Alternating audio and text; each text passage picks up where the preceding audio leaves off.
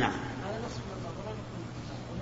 هذا خبر عن لا هذا مو حتى قدسي هذا خبر من الرسول أن الله يقول كذا. لا لفظا لا. حتى حديث الشفاء وغيره. كل ما أضافه الرسول إلى ربه فهو من قوله إلا القرآن. نعم. نعم. نعم. يعني بهذه الكلمة ربما نقول هذه ما روى الحديث كله. يعني الله قال له هذه الكلمة هذا نعم يحتمل أن نقول أن الله قال له هذه الكلمة. أما أما الذي سياق الحديث الرواية كامل لا. نعم. إيش؟ إيش؟ ترجيع. الترجيع أنه يرجع الحرف حتى يكون كالمكرر. ولهذا يقول يقول آ آ آ لا الظاهر إنا فتحنا لك فتحا مبينا ليغفر لك الله ما يعني الذي يحتاج إلى في الترجيع إن حرف المد يمكن يرجع. ما أظن يصح ترجيع ذكر شيء بالشرح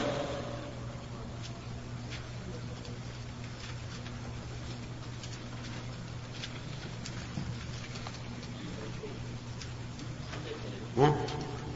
شو إيه؟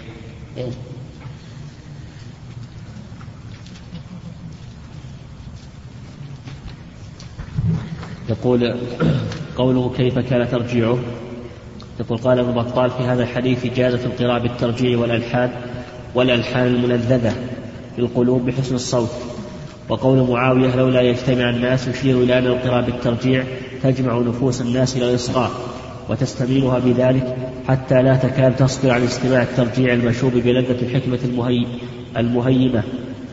وفي قوله آ بمد الهمزة والسكون.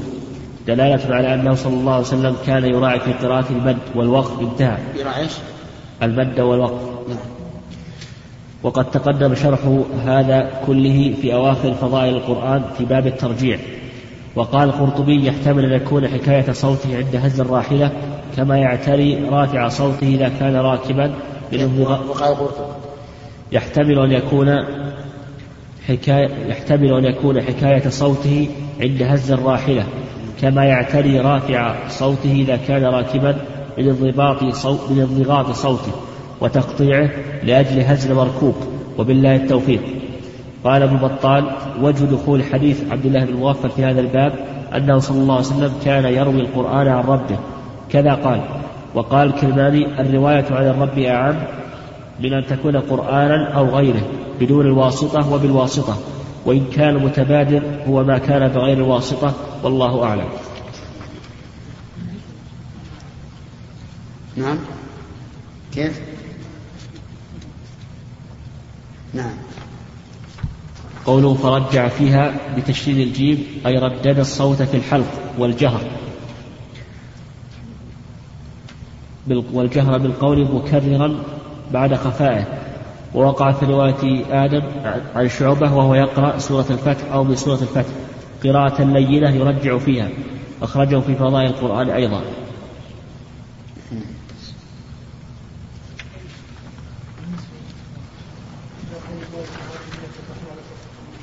نعم.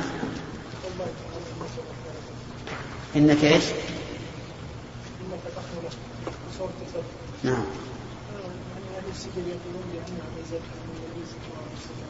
بعد بعد شرح الحديبية قالوا بأن هذا معنى بأن قريش يعني أقرت ببيان نعم.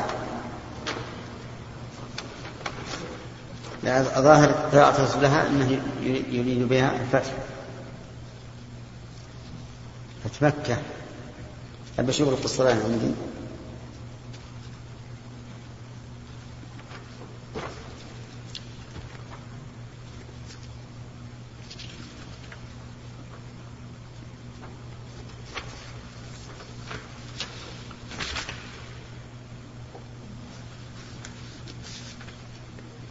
يقول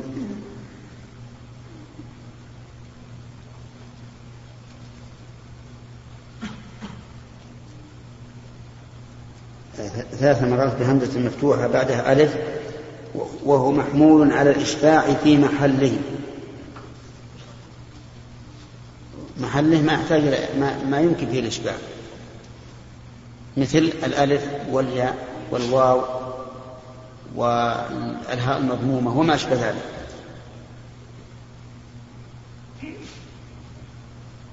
قال فرجع فيها أي ردد صوته بالقراءة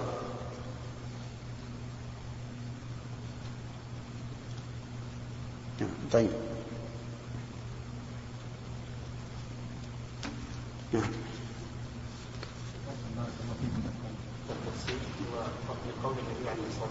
نعم فهل هذا يعني بمعنى الحديث القدسي لفظه من النبي عليه الصلاة والسلام ومعناه من الله. نعم. وما رأيكم بمن قال بأن اللفظ والمعنى من الله؟ رأنا هذا صحيح. يعني قيل به. قيل به. لكن نحن نقول لا. لا نقول بذلك لأنه لو كان لفظه ومعناه من الله لزم أن يثبت له حكم القرآن. لأن الشريعة الإسلامية لا تفرق بين المتماثلين وإذا كان لفظه من الله لازم أن يكون معجزا لأنه يكون كلاما وكلامه من صفاته وصفاته لا يمكن أن يماثلها شيء من الصفات. هذا هذا الذي جعلنا نرجح هذا القول. وأما عندما نسوق الحديث نقول قال النبي صلى الله عليه وسلم قال الله تعالى. ولا نقول قال بالمعنى نقول نرويه كما روى. لكن لو سألنا سائل قال ما تقولون ما الفرق بين كذا وكذا لا بد أن نفرق نعم يجوز من تفسير التوراة وغيرها من كتب الله بالعربية وغيرها. بقول الله تعالى قل فأتوا بالتوراة فاتلوها إن كنتم صادقين. نعم. وقال باب ما يجوز من تفسير التوراة وغيرها. التوراة باللغة العبرية والإنجيل باللغة السريانية واللغة العبرية قريبة من اللغة العربية كما قال ذلك شيخ الإسلام ابن تيمية رحمه الله. ولهذا تعلمها زيد بن ثابت أي تعلم العبرية في ستة عشر يوما. أمره النبي صلى الله عليه وسلم أن يتعلم لغة اليهود. ليقرأ كتبهم إذا وردت إلى النبي صلى الله عليه وآله وسلم وليكتب لهم ما يرده عليهم النبي صلى الله عليه وسلم. فتعلمها في ستة عشر يوما قال شيخ الإسلام لأنها قريبة من اللغة العربية. وظاهر كلام الشيخ البخاري رحمه الله حيث قال وغيرها من كتب الله بالعربية وغيرها أنه يجوز أن نفسر القرآن بغير العربي. وهذا هو الترجمة المعنوية. فترجمة القرآن ترجمة معنوية جائزة بل واجبة لمن لا يفهمه إلا بذلك. وأما ترجمة القرآن ترجمة لفظية فإن هذا لا يمكن فضلا عن كونه جائزا أو غير جائز. هو غير جائز لأنه يخرج القرآن عن كونه كلام الله. لكن مع ذلك قالوا إنه لا يمكن. لماذا؟ لأن اللغة العربية تخالف غيرها من اللغات في الترتيب والبلاغة وغيرها. فلا يمكن أن تترجم ترجمة لفظية. ونضرب بهذا مثلا. في اللغة العربية المضاف سابق على المضاف إليه. وفي غيرها بالعكس. في اللغة العربية الصفة متأخرة عن الموصول وفي غيرها بالعكس. يقال عندنا الآن في اللغة العامية مستودع الغاز يسمونه عندنا غاز خانة في اللغة العربية وأصله خانة قاسم لأن الخانة بمعنى المستودع. فإذا كان الأمر كذلك وفي اللغة العربية حروف للتوكيد حروف زائدة للتوكيد تقديم وتأخير لا يوجد في اللغات الأخرى. فالترجمة اللفظية ممتنعة حسا ممنوعة شرعا. أما الترجمة المعنوية فهي إيش؟ جائزة بل واجبة لمن يحتاج إلى تفهيم القرآن بالمعنى لأنه يجب علينا أن نبلغ القرآن. فإذا وجب علينا أن نبلغ القرآن وهناك قوم لا يعرفون اللغة العربية فإننا نترجمه معنى إلى لغتهم حتى يفهموه. وقال قل فأتوا بالتوراة فاتلوها إن كنتم صادقين. وجه الدلالة من هذه الآية؟ إيش؟ قوله فاتلوها إن كنتم صادقين وهم سوف يتلونها باللغة العربية. حتى نفهم. نعم. وقال ابن عباس أخبرني أبو سفيان بن حرب أن هرقل دعا ترجمانه ثم دعا بكتاب النبي ترجمانه دعا ترجمانه ثم دعا بكتاب النبي صلى الله عليه وسلم فقرأه بسم الله الرحمن الرحيم. من محمد عبد الله ورسوله إلى هرقل. ويا أهل الكتاب تعالوا إلى كلمة سواء بيننا وبينكم. الآية. الشاهد من هذا قوله دعا ترجمانه والمترجم سيترجم كل الكتاب بما فيه الآية. لكنه يترجم إيش؟ يترجم معناه أما لفظها فلا يمكن حسا ولا يمكن ولا يجوز شرعا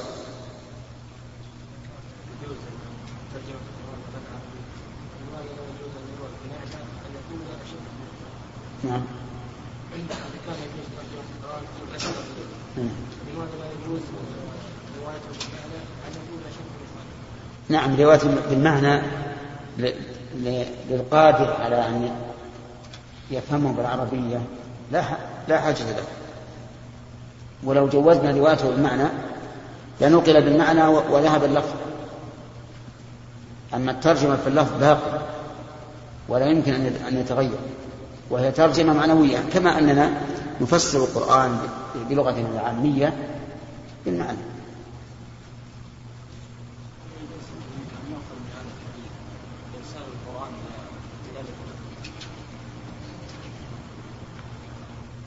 للدعوة. يجوز أن ندعو زعماء الكفر بما نكتبه نحن ونستشهد لذلك بالآيات. وهذا فرق بين أن يرسل المصحف إليهم أو أن ندعوهم ونستشهد بالدعوة بالآيات. نعم. نعم. إيه. لا يمكن. الصلاة الصلاة يجب أن يقرأها الإنسان القرآن فيها باللغة العربية لأنه متعبد بتلاوته. فإن لم يستطع قرأ الذكر الذي يكون بدلا عن قراءة عن القراءة وحينئذ يترجمه نعم. حدثنا محمد بن بشار قال حدثنا عثمان بن عمر قال أخبرنا علي بن المبارك عن يحيى بن أبي كثير عن أبي سلمة عن أبي هريرة رضي الله تعالى عنه قال كان أهل الكتاب يقرؤون التوراة بالعبرانية ويفسرونها بالعربية ويفسرونها بالعربية لأهل الإسلام فقال رسول الله صلى الله عليه وسلم لا تصدقوا أهل الكتاب ولا تكذبوهم وقولوا آمنا بالله وما أنزل الآية طيب هذا فيه دليل على أن أنه يمكن تحريف المعنى. لقوله يفسرونها بالعربية فقال لا تصدقوهم ولا تكذبوهم. ومعلوم أن التوراة النازلة من عند الله حقا يجب أن تصدق لكن أهل الكتاب حرفوا وبدلوا. هذه من جهة. من جهة أخرى ربما يفسرون المعنى الحق بمعنى باطل. فهنا يعتري إخبار هؤلاء عن التوراة باللغة العربية يعتريها شيئا الشيء الأول أنه ربما يكون النص المترجم من العربية محرفا. والثاني ربما يكون النص باق على ما هو عليه لكن يحرف إيش؟ المعنى. فلهذا يجب أن يحترز الإنسان من إخبار أهل الكتاب. هذا وهو في عهد الرسول عليه الصلاة والسلام. واليوم أشد. يجب أن نحترز من, من, من اليهود والنصارى فيما يبثونه لنا من أفكار أو غيرها.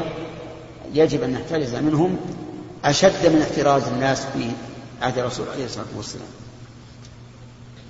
نعم. حدثنا مسدد قال حدثنا إسماعيل عن أيوب عن نافع عن ابن عمر رضي الله تعالى عنهما قال أتي النبي صلى الله عليه وسلم برجل وامرأة من اليهود من اليهود قد زنيا قد زنيا فقال اليهود ما تصنعون بهما؟ قالوا نسخب وجوههما ونخزيهما قال فاتوا بالتوراة فاتلوها إن كنتم صادقين. فجاءوا فقالوا لرجل ممن يرضون يا أعور اقرأ. فقرأ حتى انتهى إلى موضع منها. فوضع يده عليه قال ارفع يدك. فرفع يده. فإذا فيه آية الرجم فإذا فيه آية الرجم تلوح. فقال يا محمد إن عليهم الرجم. ولكن ولكننا نكاتبه بيننا. فأمر بهما فرجما. فرأيته يجامع عليها الحجارة. الشاهد من هذا قوله فأتوا بالتوراة فاتلوها. وهم سوف يأتون علينا. بماذا؟ بالعربية. وكان الرجم رجم الزاني حكما شرعيا في التوراة لكن كثر الزنا في أشرافه والعياذ بالله. فشق عليهم أن يرجموا كل يوم شريفا منهم. فقال لهم علماء الضلال لا حاجة لضلال. سنضع لكم قانونا جديدا وهو تسخيم الوجه والخزي. تسخيم الوجه يعني تسويده. والخزي قالوا إنهم يركبون الزانية والزانية على حمار ويجعلون وجه أحدهما إلى دبر الحمار ووجه الثاني إلى وجه الحمار ويطوفون بهما في الأسواق. ومعلوم أن هذا أهون أهون من الرجل. واستمروا على ذلك. استمروا على ذلك وهم في قلق وخوف لأنهم يعلمون أنهم محرفون. فلما بعث النبي صلى الله عليه وآله وسلم وقدم المدينة جاءوا إليه وقالوا, وقالوا لعلكم تجدون عند هذا الرجل يعني فرجا. وهم متلاعبون يريدون أن يأخذوا من الرسول ما يروق لهم والباقي يدعون. وكان ممن أسلم من اليهود من أحبار اليهود عبد الله بن سلام رضي الله عنه. ويعلم أن الرجم واجب عليه. فدعا بالتوراة. أمر النبي عليه الصلاة والسلام أن يؤتى بالتوراة والظاهر أن هذا بمشورة من عبد الله بن سلام لأنه يعلم. فلما أتوا بها قالوا لرجل عندهم أعور اقرأ يا أعور وهو عبد الله بن سوريا. وسبحان الله جاء القدر مناسبا للشر الأعور ما في خير. نعم. فقرأ هذا الأعور ولهذا الدجال أعور وأكثر من يتبعه اليهود. فكل فاليهود كلهم عور كلهم عيب كلهم خبث. قرأ التوراة ووضع يده على آية الرجل. من أجل أن لا يطلع عليه المسلمون. فقيل له ارفع يدك. فلما رفع يده وإذا آية الرجل تلوح. واضحة بينة فأمر النبي صلى الله عليه وآله وسلم برجمهما.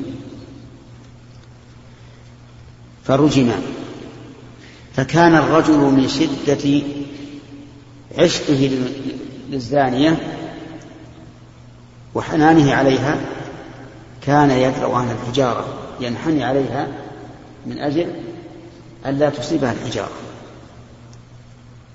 يجنأ عنها الحجارة. و وفي هذا دليل على وجوب إقامة الحد على اليهود والنصارى. لكن إن كان ذلك واجبا في شريعتهم وكان الشيء حراما فيجب علينا إقامة الحدود عليهم فيما يعتقدون تحريمه دون ما يعتقدون حله. فلو شربوا الخمر فإننا لا نحدهم.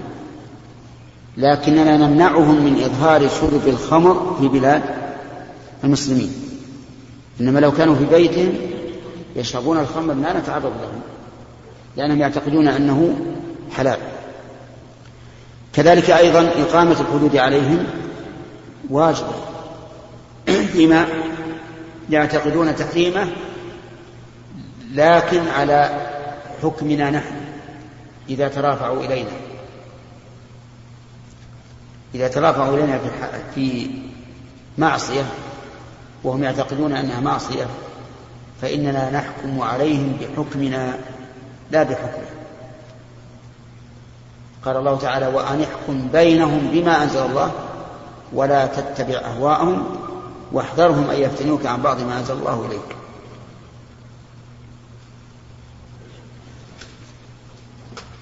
يشير له إذا والله ذكر الإخوان البارح أنه يكرر الحرف. ثم ضربنا مثلا بأن يكرر الحرف الأوسط والأول قالوا لا يكرر الحرف الأخير. نعم. فأرى أن أن الأولى ترك. نعم. كيف إيش؟ إيه. والله أنا أنا ما أدري. إنما أنا طبيعتي إن القرآن إذا صار على الطبيعة أنه أخشى في الغالب. أخشى ولج الإنسان بعد ما يتكل على على هالآلات هذه يد ما يرى بها أو ما يرى الصوت الجميل الذي بها. أما إذا كان المسجد واسع أو في محلين مثلا يحتاج إلى ميكروفون فلا بأس. ولو ولو ولو كان الكهرب غالي كنا لقلنا فيه إن إيش؟ إسراف وإضاعة مال. لكن الحمد لله أظن الكهرب رخيص. نعم. بسم الله الرحمن الرحيم. بسم الله الرحمن الرحيم. الحمد لله والصلاة والسلام على رسول الله. قال البخاري رحمه الله تعالى باب قول النبي صلى الله عليه وسلم الماهر بالقرآن مع الكرام مع الكرام البررة وزينوا القرآن بأصواتكم. نعم. قال المؤلف باب قول النبي صلى الله عليه وآله وسلم الماهر في القرآن مع الكرام البررة.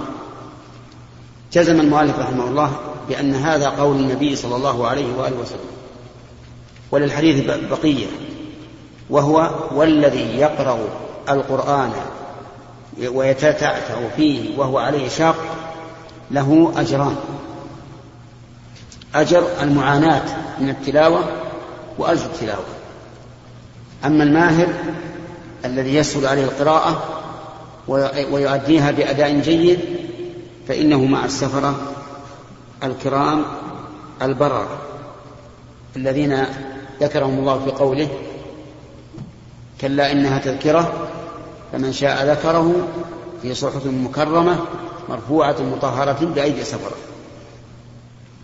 كرام بررة وزينوا القرآن بأصواتكم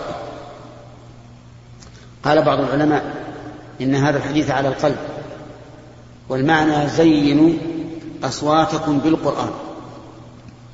وذلك لأن القرآن زين سواء بأصوات جميلة أو بغير جميلة. ويكون المعنى زينوا أصواتكم بالقرآن. يعني اجعلوا أصواتكم بالقرآن حسنة جميلة في الأداء والنطق وغير ذلك. ويحتمل المعنى زينوا القرآن بأصواتكم أي زينوا القراءة بأصواتكم بمعنى أن تقرأوا بأصوات جميلة لأن القرآن إذا كان بأصوات جميلة يتلذذ الإنسان له أكثر مما إذا كان بالعكس. نعم. نعم. حدثني إبراهيم بن حمزة قال حدثني ابن أبي حازم عن يزيد عن محمد بن إبراهيم عن أبي سلمة عن أبي هريرة رضي الله تعالى عنه أنه سمع النبي صلى الله عليه وسلم يقول ما أذن الله لشيء ما ما أذن لنبي حسن الصوت. حسن الصوت بالقرآن يجهر به. أذن بمعنى استمع. من الأذن وهو الاستماع. يعني أن الله عز وجل لا يستمع إلى شيء مثل ما يستمع إلى نبي حسن الصوت يقرأ القرآن يجهر به. فمن هذا النبي؟ هل هو رسول الله صلى الله عليه وسلم أو أو نبي آخر؟ نقول العبارة نبي نكرة. فيحتمل أنه الرسول صلى الله عليه وسلم ويحتمل أنه داود أو غيره من الأنبياء الذين أعطاهم الله صوتا حسنا. وعلى كل حال فهو يدل على أنه ينبغي للإنسان أن يحسن صوته بالقرآن. لأنه كلما حسن صوته كان الله إليه أسمع. نعم. سليم.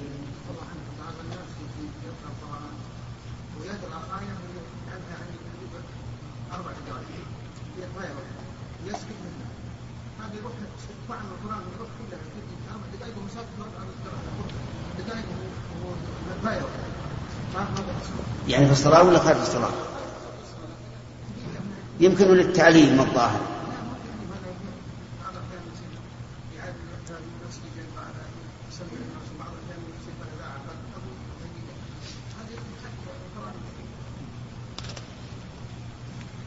يسكت يسكت أربع دقائق يمكن يمكن يتعب لعله مريض ولا شيء.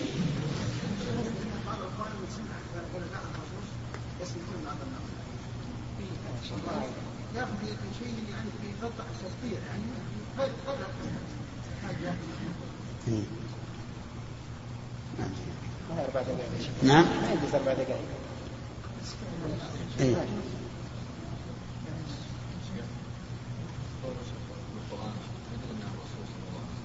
نعم.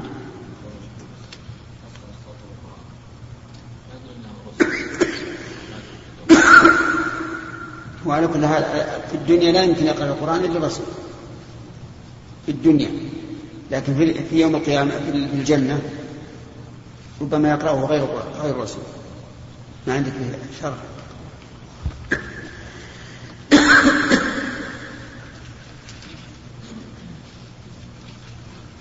الحديث سبق نعم. أقول قدم كم مرة. سبق.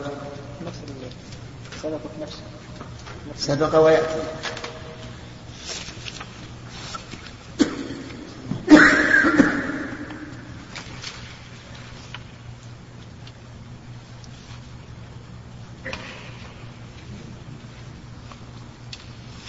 يقول يقول عندي في الشرح الصلاني والنبي جنس شائع في كل نبي.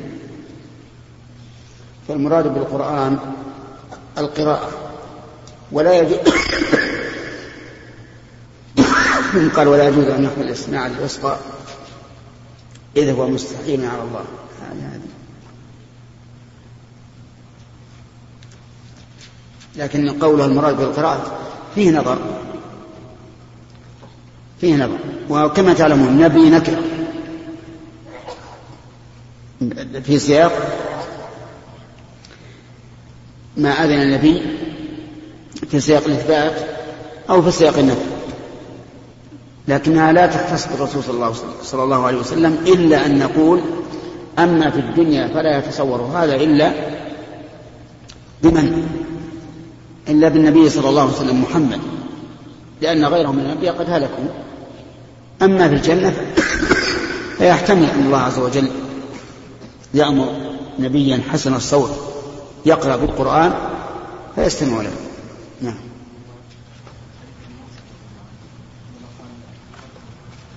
نعم. معناها أن الرسول استمع إلى قراءة ابن موسى الأشعري. فقال له لقد أوتيت مزمارا من مزامير آل داود. فقال وسمعت يا رسول الله؟ قال نعم. قال لو علمت لحبرته لك تحبيرا أي حسنته تحسينا. يعني أكثر من قراءته ها؟ إيش؟ لا لا لا. لا ما هو ريح. هو لا يريد أن يتعبد لله ليمدحه لكن يريد أن يدخل السرور والتلذذ بالقرآن على على أخيه. وهذا يحمد عليه الإنسان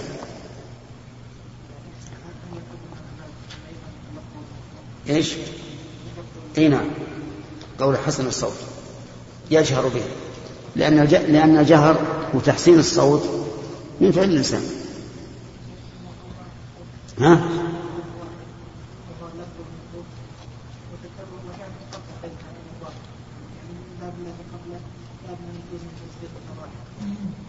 نعم. التفسير فعل. ترجمة القرآن فعل. نعم. حدثنا يحيى بن بكير قال حدثنا الليث عن يونس عن ابن شهاب قال أخبرني عروة بن الزبير وسعيد بن المسيب وعلقمة بن وقاص وعبيد الله بن عبد الله عن حديث عائشة رضي الله تعالى عنها حين قال لها أهل الإفك ما قالوا وكل حدثني طائفة من الحديث قالت فاضطجعت على فراشي وأنا حينئذ أعلم أني بريئة وأن الله يبرئني ولكن والله ما كنت أظن أن الله ينزل في شأني وحيا يتلى ولشأني في نفسي كان أحقر من أن يتكلم الله في بأمر يتلى. وأنزل الله عز وجل إن الذين جاءوا بالإفك عصبة منكم العشر الآيات كلها. نعم. هذا من فضائل عائشة رضي الله عنها ثقتها بالله عز وجل وأن الله تعالى سيبرئها أولا لأنها بريئة وثانيا من أجل الدفاع عن فراش رسول الله صلى الله عليه وآله وسلم. وهذا هو الذي وقع. لكن ظنت أن الله تعالى يخبر نبيه ببراءتها دون أن ينزل فيها قرآن يتلى. ولكن الله تعالى أنزل فيها القرآن الذي يتلى لأن الأمر عظيم. والشاهد فيها قول وحيا يتلى أي يقرأ. والقراءة فعل القارئ. نعم.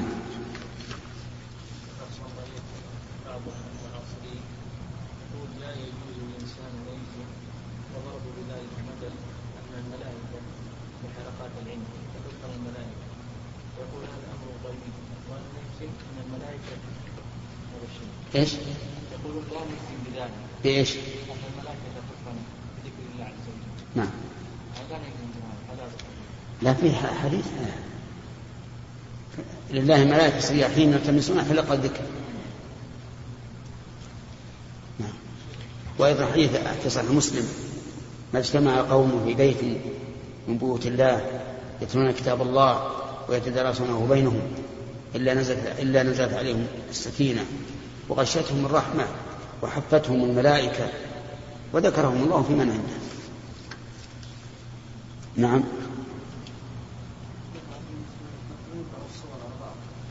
نعم.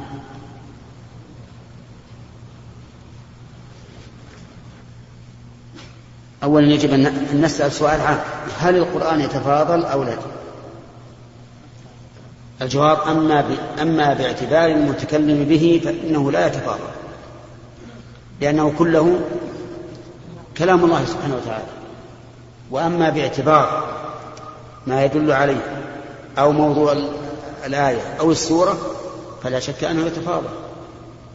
فأعظم سورة في كتاب الله الفاتحة وأعظم آية في كتاب الله آية الكرسي. وقل والله أحد تعدل ثلث القرآن فهو يتفاضل. لكن باعتبار المتكلم به لا يتفاضل لأنه كلام كلام الله عز وجل. نعم. إيش؟ والتبس عليه هل المجاز في القرآن باللغة العربية؟ بعضهم يقول ليس في القرآن مجاز أي هل جاء في الحديث الذي معنا أن في مجازا؟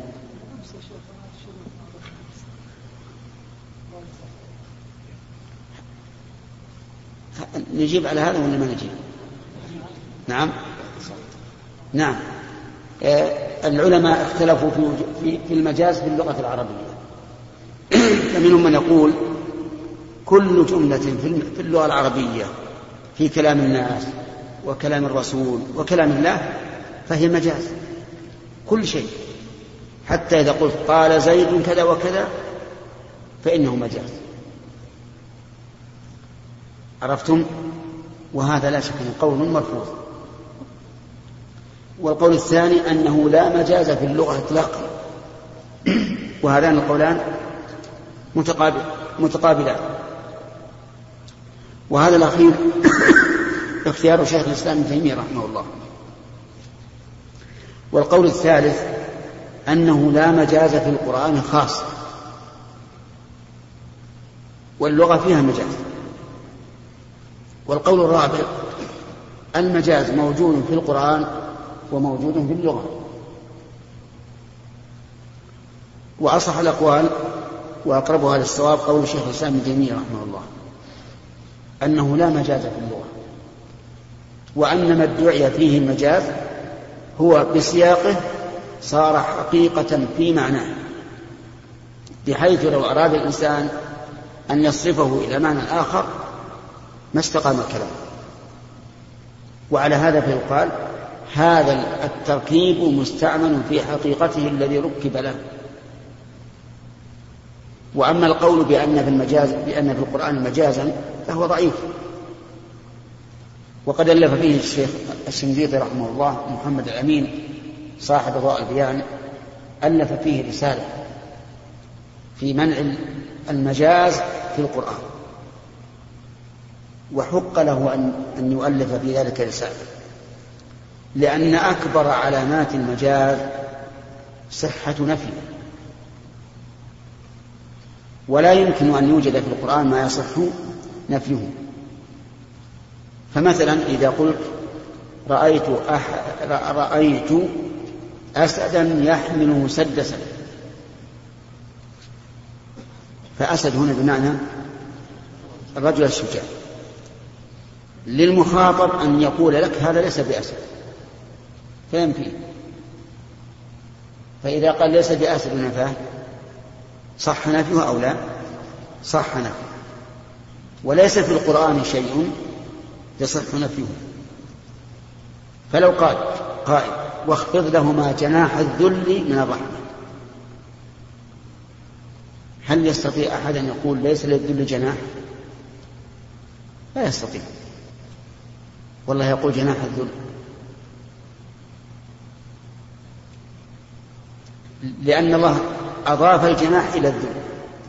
لم يضفه إلى الطير حتى نقول إن الجناح كجناح الطير. جناح يختص بالذل. فالإنسان مترفع وعزيز وتخيل تخيل له نفسه أنه فوق السحاب. فإذا قيل اخفض جناح الذل يعني اخفض الجناح الذليل صار المعنى تطامن للوالدين. والشيء يتعين معناه بحسب الإضافة. فالذي يظهر لي ما ذهب إليه الشيخ الإسلام تيمية أنه لا مجاز وأن الكلام إذا دل على معناه الذي أريد به فهو حقيقة فيه ولا يصح نفيه عن المراد به. وهذه المسألة مبسوطة في أصول الفقه. ولم يقتصر القائلون بالمجاز لم يقتصروا على الحدود بل تجاوزوها حتى جعلوا كل صفة أضافها الله إلى نفسه فهي مجاز. فقالوا الاستواء على العرش مجاز عن الاستيلاء عليه بل يداه مبسوطتان اليدان المجاز عن القدرة أو عن النعمة وما أشبه ذلك. فصار هذا المجاز كما قال ابن القيم في النونية صار طاغوتا. يقصد به هدم ما أثبته الله من نفسه. نعم.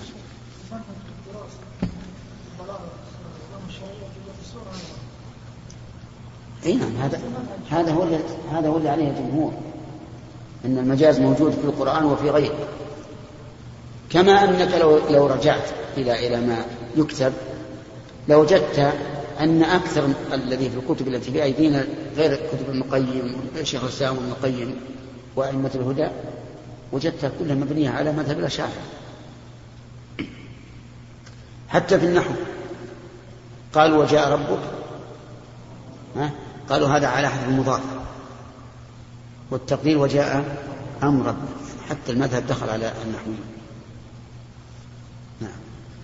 حدثنا أبو نعيم قال حدثنا مسعر عن عدي بن ثابت أراه عن البراء رضي الله تعالى عنه.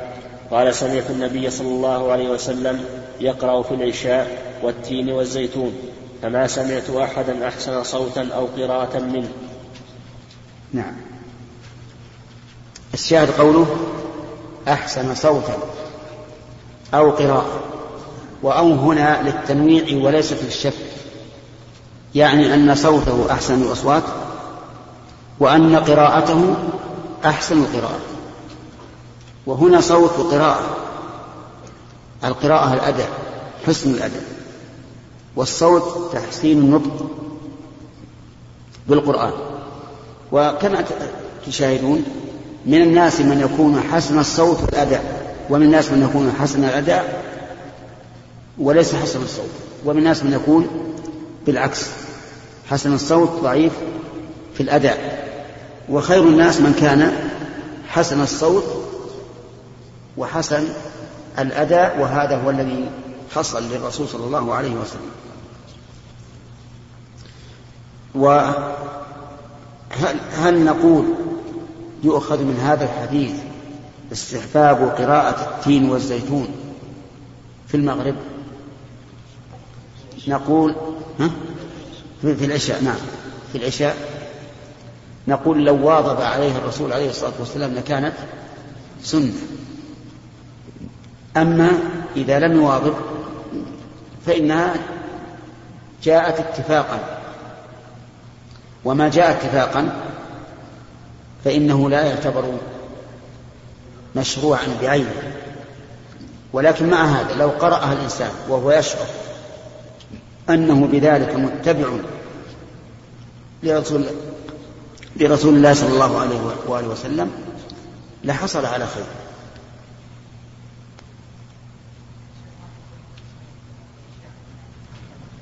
كيف؟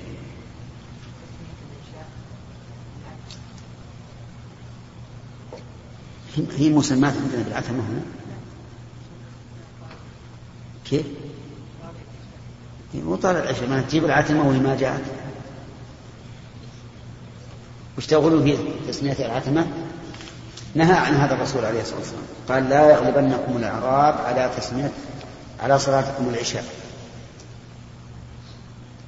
تدعون يدعونها العتمة وهي تعتم بالإبل ولكنها في كتاب الله العشاء. لا الأحسن أدبا. نعم. حدثنا حجاج بن قال حدثنا هشيم عن أبي بشر عن سعيد بن جبير عن ابن عباس رضي الله تعالى عنهما قال كان النبي صلى الله عليه وسلم متواريا بمكة وكان يرفع صوته فإذا سمع المشركون سبوا القرآن ومن جاء به فقال الله عز وجل لنبيه صلى الله عليه وسلم ولا تجهر بصلاتك ولا تخافت بها. سبق الكلام عن هذا. حدثنا إسماعيل قال حدثني مالك عن عبد الرحمن بن عبد الله ابن عبد الرحمن ابن أبي صعصعة عن أبيه أنه أخبره أن أبا سعيد الخدري رضي الله تعالى عنه قال له إني أراك تحب الغنم والبادية فإذا كنت في غنمك أو باديتك فأذنت للصلاة فارفع صوتك بالنداء فإنه لا يسمع مدى صوت المؤذن جن ولا إنس ولا شيء إلا شهد له يوم القيامة. قال أبو سعيد سمعته من رسول الله صلى الله عليه وسلم. في هذا الحديث دليل على أن قراءة الإنسان مخلوقة لأنها فعله بقوله ارفع صوتك بالنداء. وفيه دليل على استحباب النداء للواحد. إذا كان في البادية فإنه يؤذن استحبابا لا وجوبا. وفيه أيضا أن ما ما يسمعه من الإنس والجن والشيء أي شيء يكون من شجر أو حجر أو مدر أو جبال أو رمال فإنه يشهد له يوم القيامة لقول الله تعالى يومئذ تحدث أخبارها بأن ربك أوحى لها. نعم.